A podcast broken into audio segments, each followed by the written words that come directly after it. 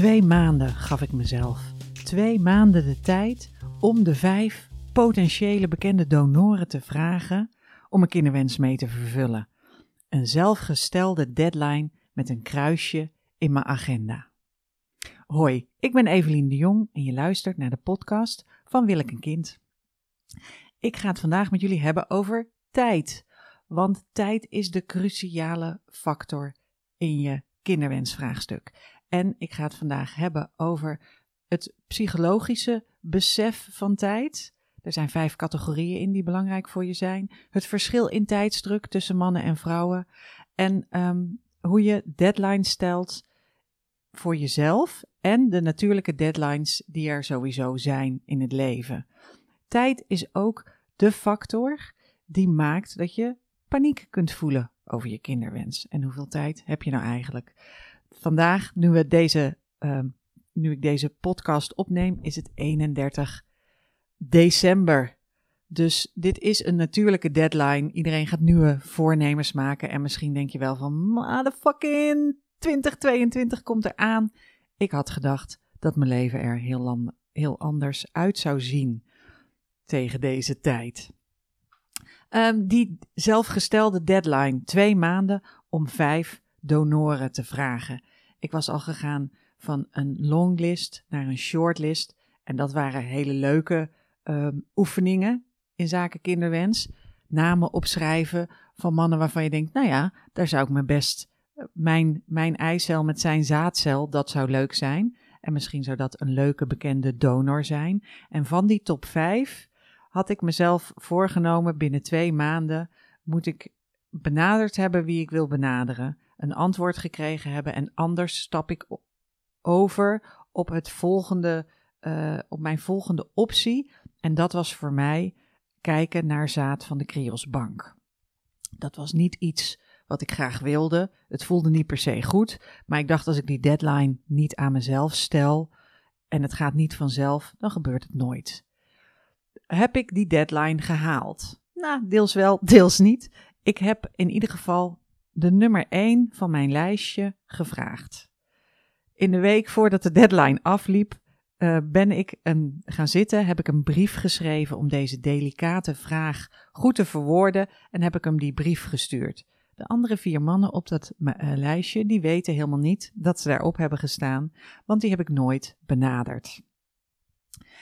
En um, dan kun je als je jezelf een deadline stelt en denkt het voelt niet goed of het is niet gebeurd en die deadline staat in je agenda, dus die popt omhoog en die zegt jou uh, ding dong, weet je nog, ik was je kinderwens, je hebt mij in de agenda gezet en nu uh, is er iets waardoor jij een beslissing moet nemen. Dus dat is wat zo'n zelfgestelde deadline doet, die maakt dat jij een beslissing moet nemen. Maar voor mij voelde het niet goed ik dacht, uh, dat kan eigenlijk drie dingen betekenen. Het kan betekenen, het voelt niet goed, want de tijd is nog niet rijp. Ik ben er gewoon nog niet aan toe. Het kan zijn dat het niet goed voelt, want het is buiten mijn comfortzone. Het is ongemakkelijk. En het kan zijn dat het niet goed voelt, omdat het niet voor mij is.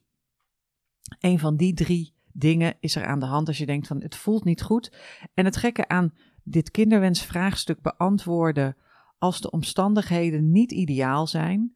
En ideaal heet ideaal omdat het eigenlijk niet een realistisch ding is. Voor niemand zijn de omstandigheden ideaal, ook al lijkt het soms van buitenaf wel ideaal te zijn. Maar goed, de omstandigheden zijn niet ideaal.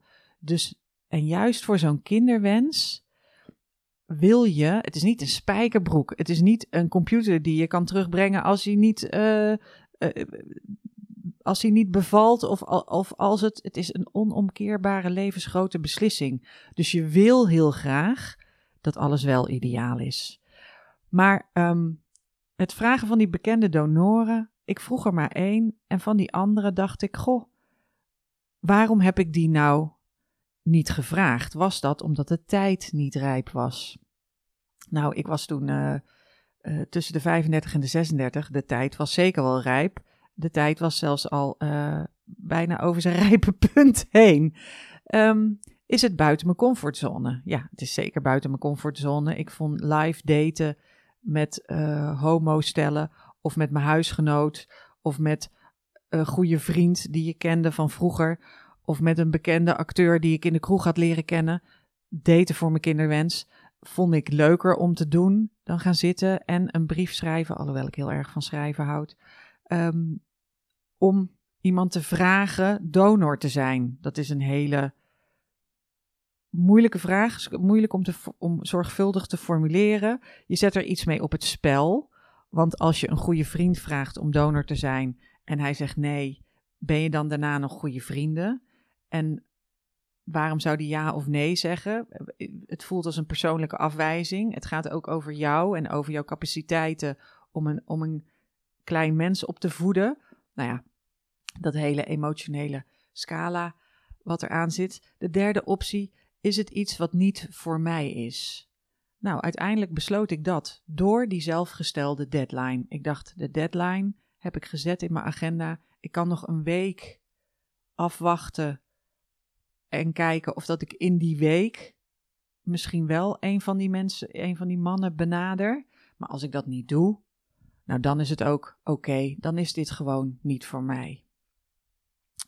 Ik wou nog iets zeggen over. Ehm, oh ja, hoe het afliep met die donor natuurlijk. De, degene die ik gevraagd had, was een goede jeugdvriend van vroeger. En hij kreeg een hele lieve brief terug van hem.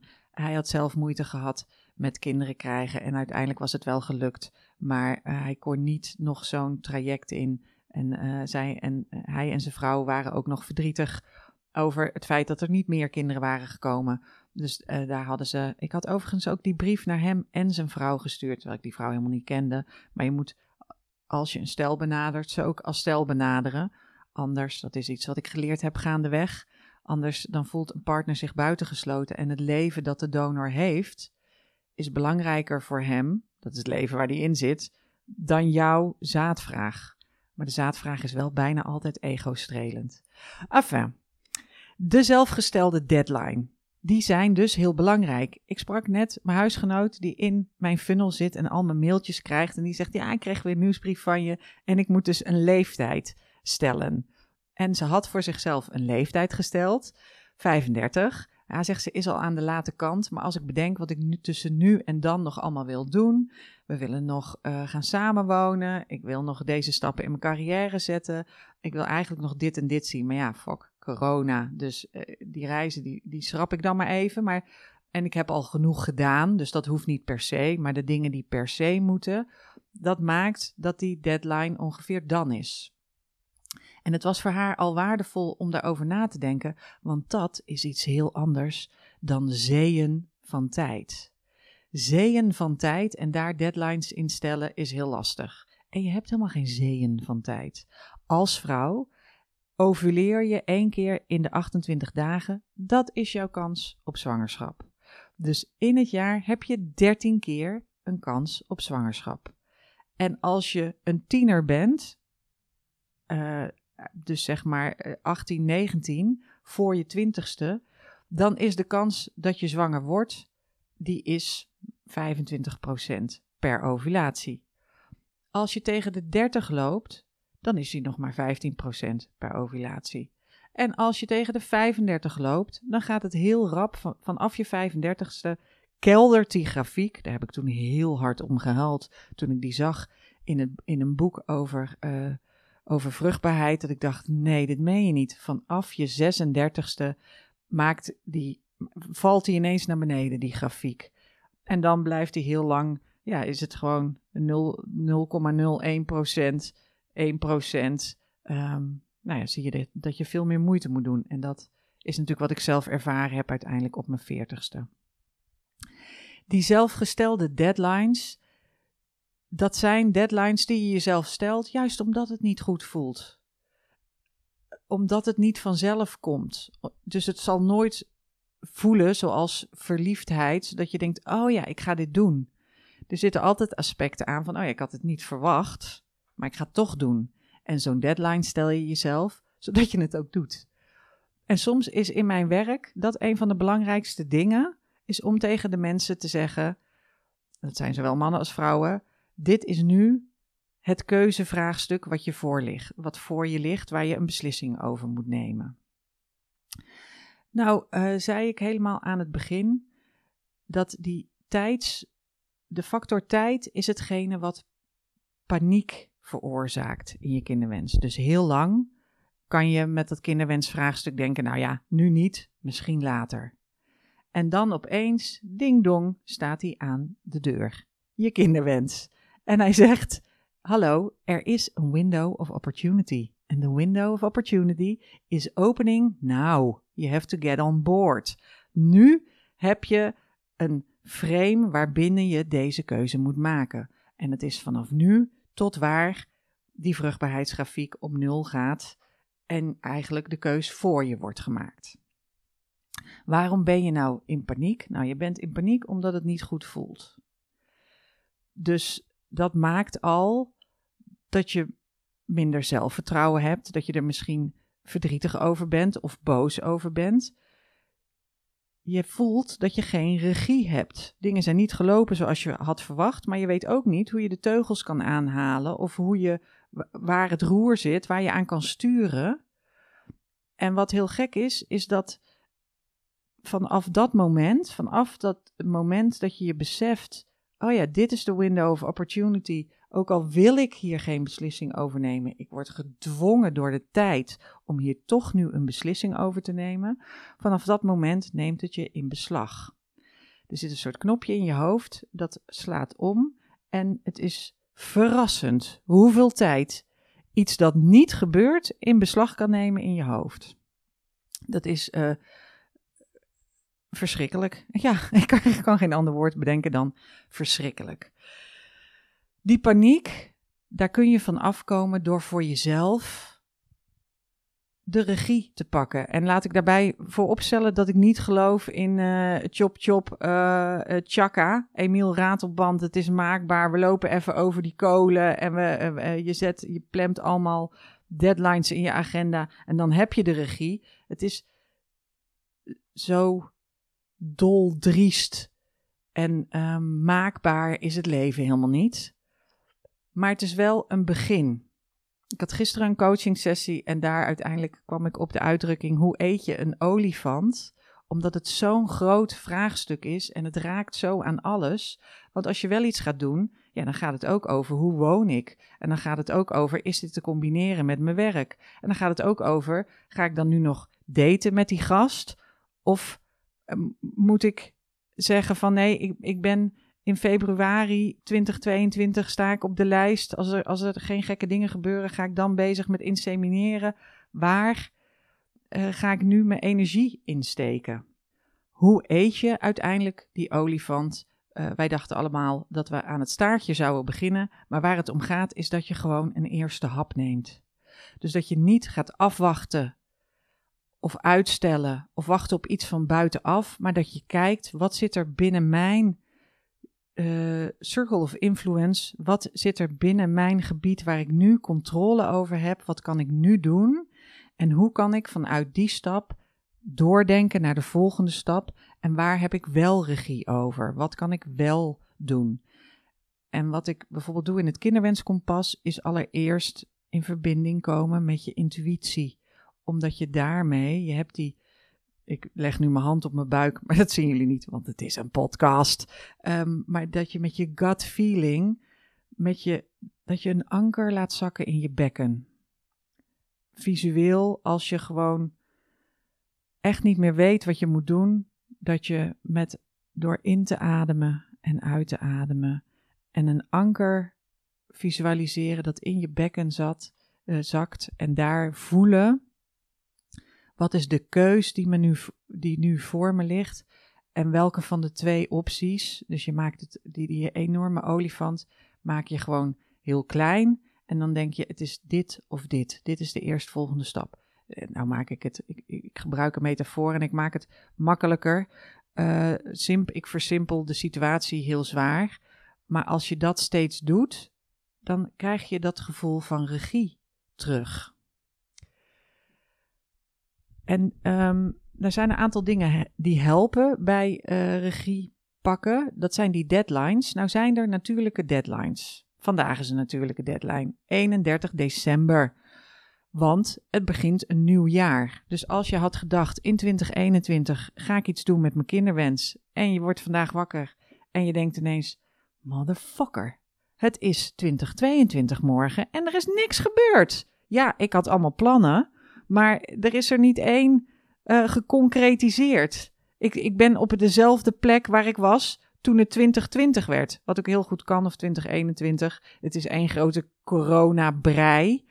En het is super. Ik heb echt wel met iedereen te doen die hiermee zit. En dan die corona-shizzle er nog eens overheen. Het kan niet op een slechter moment komen. Uh, en, maar dat geldt ook weer voor iedereen. Het, het geldt ook voor iedereen's vader die uh, geopereerd moet worden. Of uh, op de wachtlijst staat voor iets in, met een nieuwe knie of wat dan ook. En dat dat het geldt voor heel veel mensen. Even, ik ga het helemaal niet, niet hebben over corona. Ik had het over natuurlijke deadlines. Het nieuwe jaar is zo'n natuurlijke deadline. Jouw eigen verjaardag is ook een natuurlijke deadline. Dus die huisgenoot van mij zei: Ja, ik moest dus van jouw nieuwsbrief een jaartal noemen. Nou, mijn jaartal is 35. Of, en hoe groot zijn de kansen dan? Of ben ik dan al laat of ben ik dan vroeg? Nou, daar kun je dan hè, onderzoek naar doen, naar doen. Maar noem in ieder geval dat jaartal. Noem voor jezelf de maximale leeftijd. Want dan heb je een deadline die je aan ziet komen. Als je hem niet noemt, wat ik dus uiteindelijk deed, ik noemde helemaal geen deadline, maar op de dag van mijn 36e verjaardag werd ik ineens ontzettend verdrietig, omdat ik wist dat ik voor de medische wetenschap, dat is een andere deadline die van buiten afgesteld wordt, voor de medische wetenschap ben je vanaf je 36e ben je een vrouw die ouder is en zwanger wil worden. Of ouder is en zwanger, uh, als je zwanger bent, ben je een, een oudere moeder. Hmm. Dat dat betekent dat die natuurlijke deadlines, die werken vaak als wake-up call. Maar je kunt dus ook zelf deadlines stellen. En dan kunnen dingen niet goed voelen, maar dan kun je dus daarna zeggen van oké, ik wil liever een bekende donor dan zaad van de Kriosbank. Ik ga die bekende donor vragen. Ik neem daar twee maanden de tijd voor. En als je bent zoals ik, dan ga je dus in de laatste week voordat je de, de deadline verstrijkt, denk je ineens: oh ja, fuck, ik moet gaan zitten en ik moet die brief gaan schrijven. Of ik moet diegene vragen of een appje sturen of eh, vragen voor koffie of iets. In die richting. Die, dat zijn de natuurlijke deadlines en die andere deadlines moet je dus zelf stellen. Dan is er nog een verschil voor iedereen die in een relatie zit en waarbij de vrouw merkt: oké, maar ik wil nu.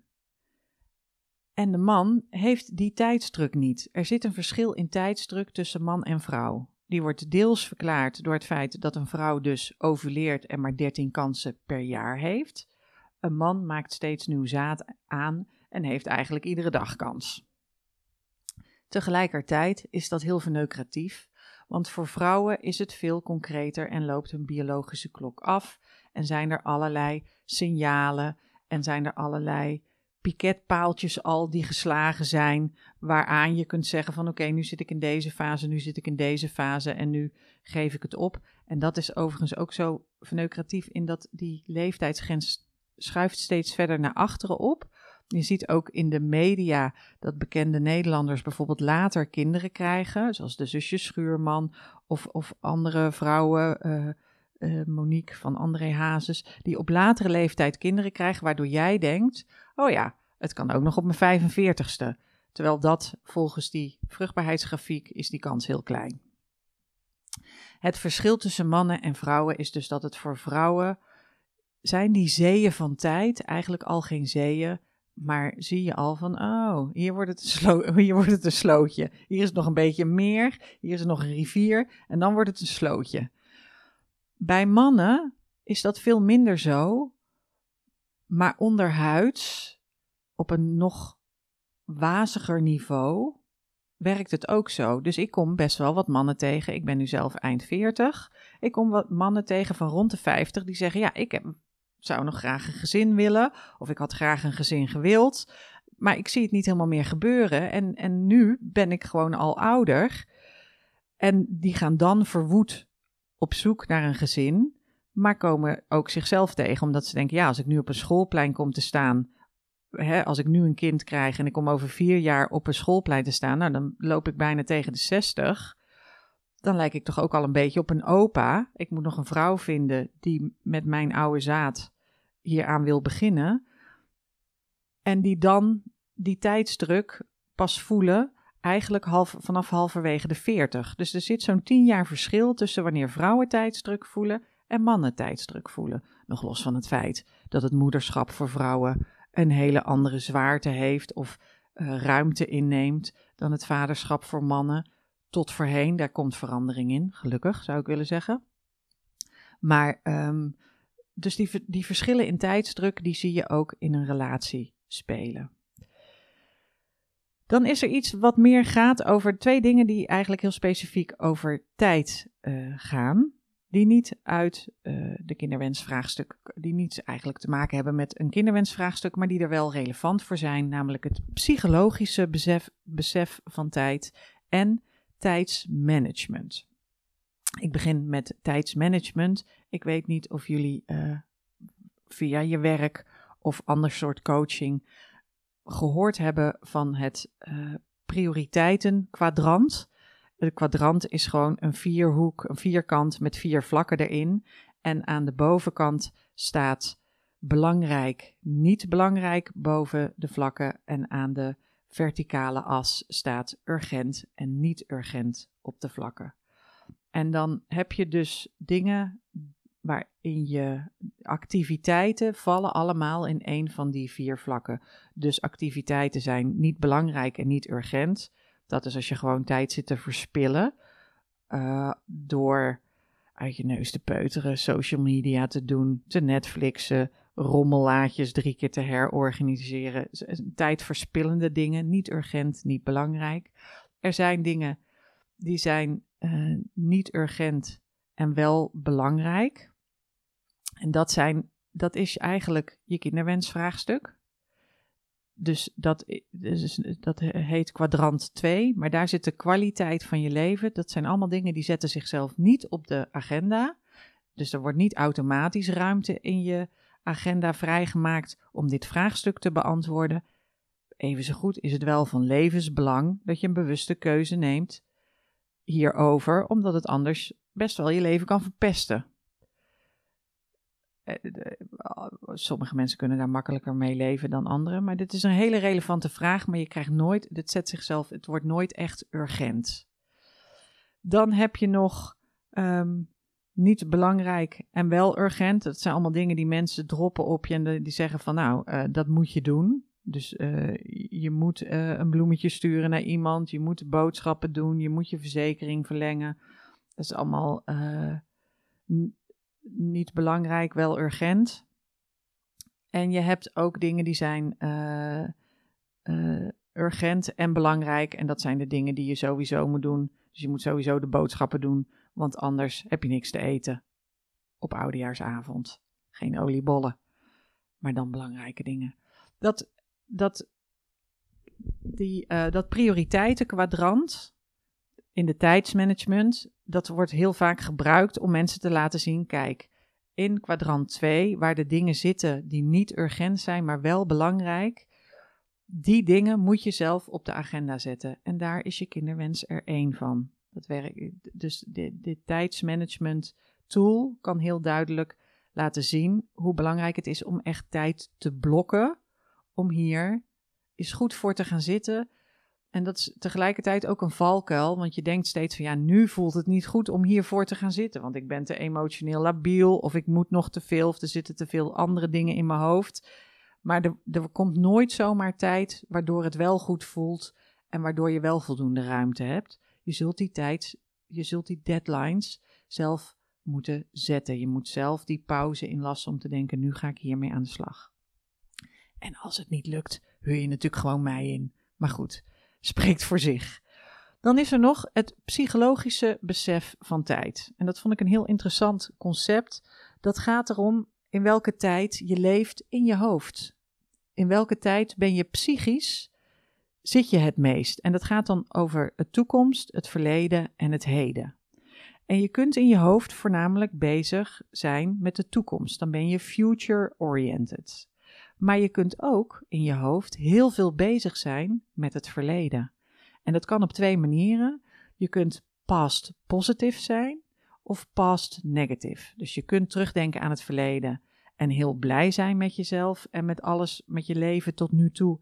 En, de, en denken aan de goede dingen die er zijn gebeurd. Je kunt ook past negative zijn en dan zit je veel in het verleden te bedenken wat er allemaal mislukt is, wat je allemaal is aangedaan, waar het allemaal is misgegaan. Dat, is, dat gaat over de past. Je kunt ook in de present zitten. En toen ik dit las, uh, je kunt present hedonistic zijn of present fatalistic. Fatalistic. Fatalistic. Present fatalistic. Ik was heel lang in het heden en dan hedonistisch. Dat was helemaal mijn ding. Ik ben de feestneus. Ik vind het leuk om leuke dingen te doen. En uh, hoe meer leuke dingen vandaag de dag, nou, dat pakken ze me niet meer af. Dus dat was waar ik eigenlijk in zat, totdat ik, totdat Ding Dong die kinderwens aanbelde. En ik van de een op de andere dag veranderde in iemand die present fatalistic was. Ik kan het gewoon niet goed uitspreken. Ik was ineens fatalistisch. Alles was mislukt. Mijn hele leven was mislukt. Ik woonde in die woongroep, dat was mislukt, want ik had geen eigen huis. Ik had geen relatie, dat was mislukt. Er was nooit iemand uh, geweest die bij me was, had willen blijven. Ik had geen kind, ik had geen baan, ik had geen vast inkomen. Nou ja, dus, en dat was een hele vreemde, vreemde gewaarwording. Want als je heel de tijd hedonistisch bent en ineens kijk je in de spiegel en ben je fatalistisch, dan herken je jezelf niet meer. Nou is dit, uh, ze hebben er onderzoek naar gedaan en uh, uiteindelijk bleek dat de mensen die past positief zijn met hun gedachten psychisch veel in het verleden en daar positief aan terugdenken, dat zijn de gelukkigste mensen. Nou weet ik niet of geluk voor iedereen de stip op de horizon is of, of de kern van het bestaan. We hoeven niet allemaal gelukkig proberen te zijn, maar het is interessant om eens na te denken, wat is mijn psychologische besef van tijd?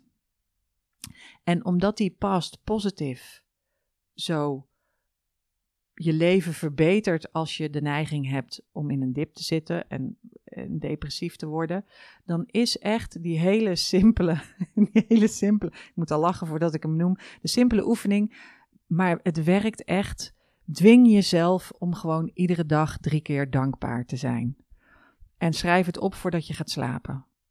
Dus voordat je je ogen dicht doet en wegzakt, eh, schrijf gewoon drie dingen op waar je dankbaar voor zijn. Of dat het nou een goede kop koffie was, een ommetje, een leuke strip in de krant, je planten die het goed doen, uh, nieuwe schoenen, nieuwe tas. Het mag een lekkere Netflix-serie, een goed boek. Het maakt niet uit, maar noem drie dingen waar je dankbaar voor bent voordat je gaat slapen en schrijf ze op. Want ook al is het gedwongen en komt het niet vanuit jezelf en ook al voelt het niet goed, door jezelf te dwingen past positief te denken, train je dat besef, train je je perspectief en je focus om in ieder geval die goede dingen ook te zien. En dat is lastig, heb ik ervaren, als die kinderwens ineens je overvalt en eigenlijk alles negatief lijkt. Dus ook al is het contra-intuïtief hè, en voel je, voelt het niet goed, doe gewoon. Schrijf gewoon iedere dag drie dingen op waar je dankbaar voor bent. Oké, ademhalen. nou, die, um, die tijdsdruk en die paniek die daardoor ontstaat, als die paniek lang aanhoudt, dan spreken we van stress. en van stress, het woord stress alleen al ga ik lachen. Die stress, die, um, die stress ga, kun je te lijf gaan door, laat ik drie dingen noemen. Het eerste is, dat uh, hoor je van iedereen, maar dat is door ademhalen en je te focussen op fysieke sensaties. Dus ben je in paniek of ben je gestrest, dan oefen gewoon je ademhaling. Ik kreeg van Sinterklaas een, uh, een iWatch. En die zegt drie keer per dag wanneer ik moet ademhalen. Ik adem de hele dag. Maar drie keer per dag zegt hij een minuut tegen mij: adem even rustig. Dan uh, voel je je beter. Uh, nou, dat ben ik dus aan het doen. Meestal komt het op een slecht moment, maar vooruit. Ademhalen en voelen. Zijn mijn schouders gespannen? Um, heb ik last van iets uh, in mijn buik? Uh, nou, die buikademhaling, dus je, je buik ontspannen en, en, en, en heel rustig ademhalen, maakt al dat de stresslevels in je, uh, de aanhoudende paniek in je lijf fysiek minder kan worden.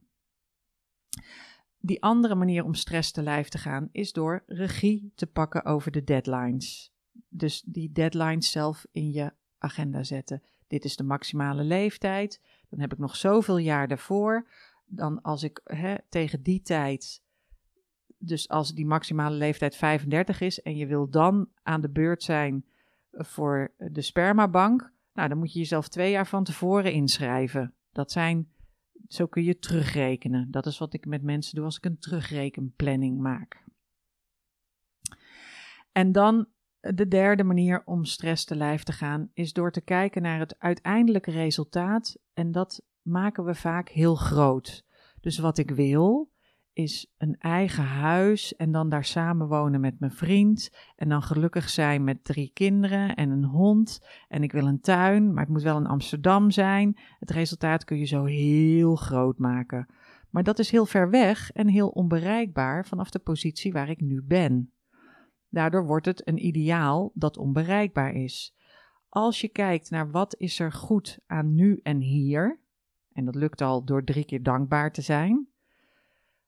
Als je denkt van nu, wat er nu goed is aan hier en waar ik meer van wil, en dan aan knoppen gaat draaien, dan kun je kijken naar welke kant wil ik op, welke kleine stukjes, welke hapjes uit de olifant, hoe knabbel ik voor het eerst aan het staartje, hoe ga ik beginnen aan die reis naar de uiteindelijke stip. En de stip, kijk, bij vakanties gaat het, er, gaat het echt om de bestemming. Als jij een vakantie boekt naar een ver land, dan wil je niet te veel aandacht besteden aan de vlucht en die afschuwelijke vliegvelden en aan alles pakken en je paspoort zoeken en die, al die corona-checks, scancodes, PCR-test, al die shit dat wil je helemaal niet weten. Nee, je wil uiteindelijk de berg afroetsen op je skis of je snowboard. Je wil uiteindelijk aan het strand liggen onder een palmboom en een goed boek lezen. Dan is de reis er naartoe niet zo belangrijk. Maar als het gaat om je privéleven, is het nu hier goed hebben en het uiteindelijke doel, dan is de reis daar naartoe, dat is de vakantie. Het gaat dus om de reis en niet om de bestemming. Dus als je nu al tevreden bent met het resultaat en kleine dingen voor verbetering zit en meer die kant op wil, dan ga je daarmee al de stress te lijf. Nou, ik hoop, dit was heel veel. Uh, ik weet niet hoeveel tijd, hoeveel van jullie tijd ik in beslag genomen heb. Een half uur. Dus je hebt nu een half uur nagedacht over tijd. Wat je doet als je deze podcast geluisterd hebt, dan uh, ga je voor jezelf natuurlijk die maximale leeftijd even stellen. En je gaat voor jezelf wat deadlines in je agenda zetten, zodat ze in ieder geval naar boven poppen als jij zelf geen tijd maakt om in dat tweede kwadrant van de prioriteiten je, je acties weg te zetten, zodat je agenda vanzelf zegt: hey, kijk eens, vandaag had je twee uur geblokt maanden geleden om hier voor te gaan zitten. Vandaag loopt de deadline af dat jij die vijf bekende donoren kan vragen. Vanaf vandaag kun je eh, inloggegevens voor de Kriosbank uh, gaan aanmaken, want je stapt over op de volgende actie.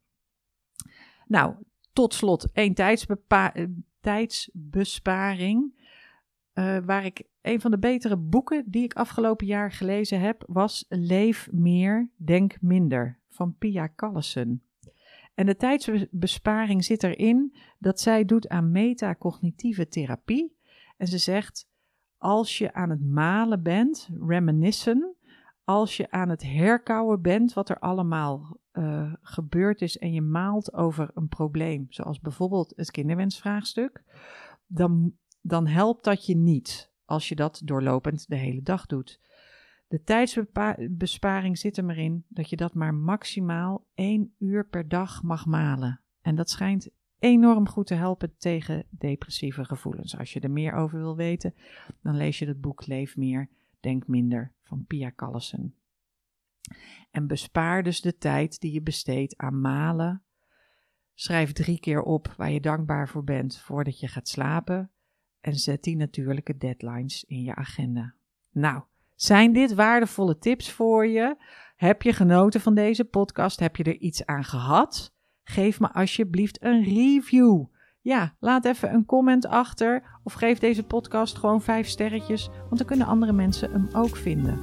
Ik wens je het allerbeste voor 2022 en graag tot ziens, tot horens of tot mails in het nieuwe jaar. Groetjes!